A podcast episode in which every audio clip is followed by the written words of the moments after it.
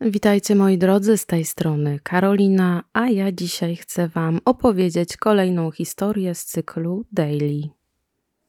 26 kwietnia 2005 roku ze swojego domu w Duluth w stanie Georgia zniknęła Jennifer Wilbanks. Lokalna policja podejrzewa, że w zniknięciu kobiety brały udział osoby trzecie. Z tego powodu śledczy kontaktują się z narzeczonym zaginionej. Jest to John Mason.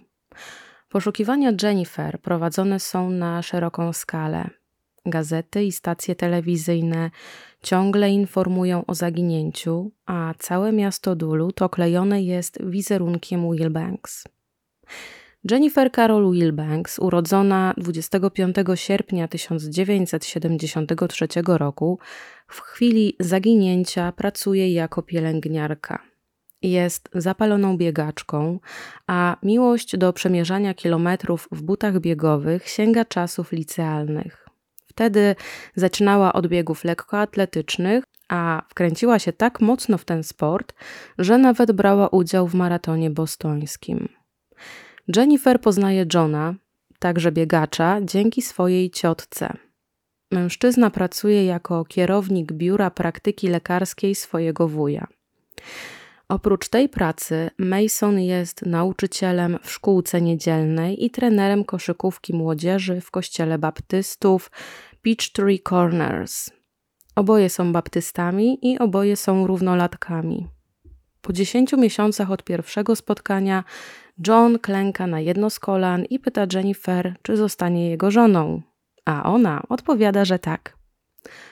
John Mason jest dokładnie przebadany, przesłuchany, a jego komputery są przetrzepane na okoliczność zniknięcia jego narzeczonej, a tych komputerów do przejrzenia jest trzy. Według jego słów 26 kwietnia Jennifer wychodzi z domu o godzinie 20.30. Jeszcze przed wyjściem informuje narzeczonego, że będzie biegać i że wróci za 40 minut. Po godzinie Mason wychodzi szukać narzeczonej. Jak zauważył wcześniej, 32-latka nie wzięła ze sobą telefonu komórkowego, kluczy i pierścionka zaręczynowego z brylantem. Po dwóch godzinach mężczyzna dzwoni do okolicznych szpitali, a potem kontaktuje się z lokalnym posterunkiem policji. To jest do Jennifer bardzo niepodobne, żeby tak po prostu wyszła i przepadła jak kamień w wodę. Kiedy śledczy interesują się bardziej rolą, jaką mógłby odegrać John w zaginięciu narzeczonej, on zatrudnia prawnika. Jednocześnie przechodzi pozytywnie badanie na wykrywaczu kłamstw, co sprawia, że śledczy już się nim dłużej nie interesują. 27 kwietnia ponad setka policjantów i ochotników szuka Jennifer. Ochotnikami są m.in. zaproszeni na wesele pary goście. Niektórzy funkcjonariusze spekulują. Może kobieta uciekła z powodu tremy przed zbliżającym się ślubem. Ktoś znajduje kępkę brązowych włosów i, jak się później okaże, nie należą one do zaginionej, a kępka tych włosów została znaleziona e, na trasie standardowej, gdzie biegała Jennifer. 28 kwietnia na zwołanej konferencji prasowej śledczy Donald Woodruff z Departamentu Policji w Duluth mówi, że według przyjaciół, według rodziny, zniknięcie Jennifer to nie jest przypadek tremy czy też przypadek zdenerwowania przedmałżeńskiego. To zostało wykluczone ze stuprocentową pewnością. Im dłużej kobieta ma status zaginionej, im dłużej trwa śledztwo, tym jest większe prawdopodobieństwo, że zniknięcie Jennifer nie jest dobrowolne.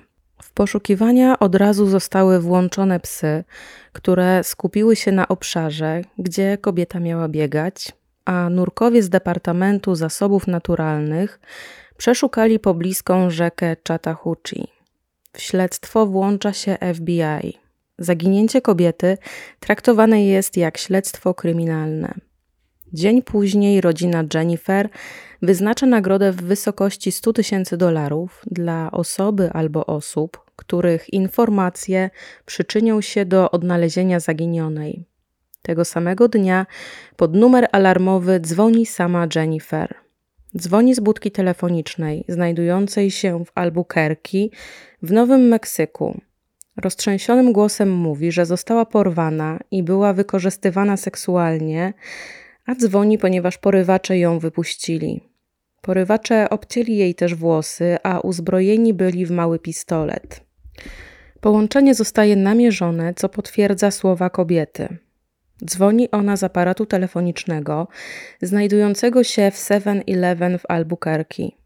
Nie wie dokładnie, gdzie jest, nie ma pojęcia, w którą stronę odjechali porywacze, ale przedstawia ich rysopis. Jest to latynos i biała kobieta. Oboje po czterdziestce. Mieli ją wciągnąć do niebieskiej furgonetki w Georgii i wywieźć na zachód.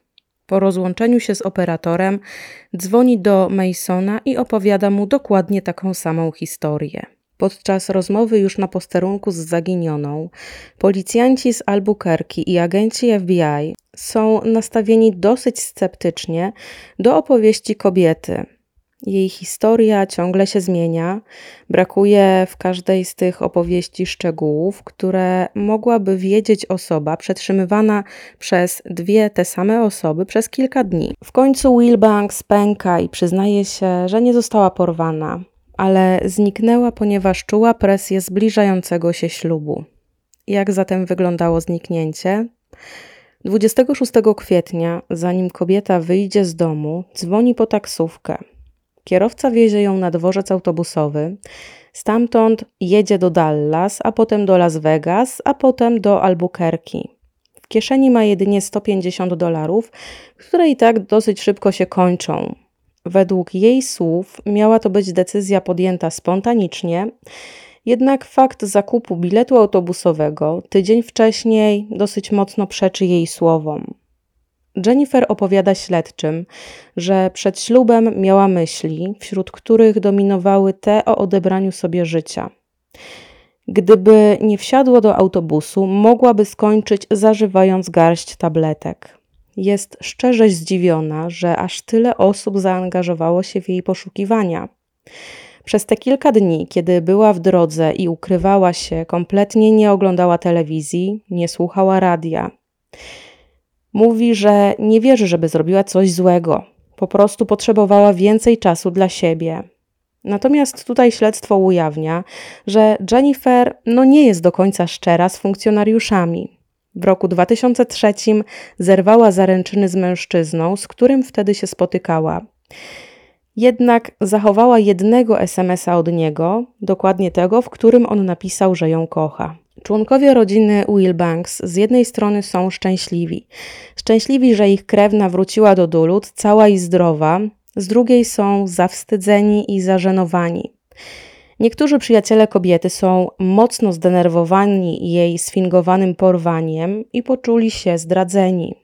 Kobieta jest nazwana skupioną na sobie i samolubną. Wkrótce media wyciągają jeszcze jeden aspekt sprawy zniknięcia Jennifer aspekt rasy. Oskarżają Wilbanks o bycie rasistką z powodu wymyślonego latynoskiego porywacza. Po kilku dniach Jennifer odczytuje oświadczenie, które brzmi następująco. Nie potrafię w pełni wyjaśnić, co przydarzyło mi się w zeszłym tygodniu. Próbowałam sobie poradzić z mnóstwem problemów, których nie byłam w stanie ograniczyć ani rozwiązać. Moja ucieczka nie miała nic wspólnego z wątpliwościami, ani nigdy nie chodziło o opuszczenie Johna. Ci, którzy mnie znają, wiedzą, jak bardzo byłam podekscytowana spektakularnym ślubem, który zaplanowaliśmy. Jak bardzo nie mogłam się doczekać, kiedy zostanę panią Mason. Uciekałam od siebie i od pewnych lęków kontrolujących moje życie. Coraz lepiej rozumiem, kim jestem i jakie problemy wpłynęły na moją niewłaściwą decyzję. Dlatego też dobrowolnie zgłosiłam się na profesjonalne leczenie. Jest mi bardzo przykro za kłopoty, które spowodowałam. Składam głębokie i szczere przeprosiny. Proszę rodzinę Johna i jego samego o wybaczenie. Proszę również o wybaczenie moją rodzinę, naszych przyjaciół, naszą społeczność i wszystkich innych, których mogłam niechcący obrazić. Jestem wdzięczna każdemu, kto wstawia się w mojej sprawie, Dziękuję za wyrazy wsparcia. Mam nadzieję, że wasz duch troski o drugiego człowieka nie osłabł. Wasze poświęcenie głęboko mnie poruszyło. Nie mogę się doczekać nadchodzących dni, kiedy będę już wystarczająco silna, by mówić we własnym imieniu. Tak jak John mówił niezliczoną ilość razy. Obyśmy postępowali zgodnie z nauczaniem Pisma Świętego, będąc dla siebie życzliwymi, serdecznymi, przebaczającymi, tak jak przebacza nam Bóg w Chrystusie. Dziękuję Wam. Miesiąc po wielkiej ucieczce, Jennifer Wilbanks zostaje oskarżona przed wielką ławą hrabstwa Duluth o składanie fałszywych zeznań. Zostają jej formalnie postawione dwa zarzuty. Składanie fałszywych zeznań, i chodzi tutaj o te przekazane informacje, że była napastowana przez latynosa i białą kobietę. Za to przestępstwo grozi jej do pięciu lat pozbawienia wolności Drugi zarzut to złożenie fałszywego zawiadomienia o popełnieniu przestępstwa. Wykroczenie to zagrożone jest karą do roku pozbawienia wolności. Także łącznie Jennifer może otrzymać 6 lat pozbawienia wolności, z czego ostatecznie zostaje jej zasądzone 2 lata w zawieszeniu oraz 100 godzin prac społecznych musi jeszcze zapłacić 13 tysięcy dolarów odszkodowania na rzecz Departamentu Szeryfa Hrabstwa Gwinnett i miasta Duluth w celu pokrycia nadgodzin pracowników, którzy jej szukali. Burmistrz miasta w swoim oświadczeniu poinformował mieszkańców, że ta kwota wynosiła ponad 40 tysięcy dolarów. John Mason w swoim oświadczeniu powiedział, że nie żywi wobec niedoszłej żony urazy. I jeszcze na sam koniec mała wisienka na tym torcie. Czemu w ogóle Jennifer, oprócz tego, że chciała trochę czasu dla siebie, uciekła? Otóż prawdopodobnie poszło o ilość weselnych gości i myślę, że liczba 600 zaproszonych osób prawdopodobnie przytłoczyłaby, jeśli nie każdego, to większość z nas, gdyby, gdybyśmy planowali takie małe wesele. A w przypadku wesela Jennifer i Johna rozmowy oscylowały raczej w granicach 28 osób. Dziękuję Wam bardzo serdecznie za wysłuchanie tej historii Jennifer, uciekającej panny młodej. I do usłyszenia, moi drodzy, już jutro w kolejnej historii. Papa. Pa.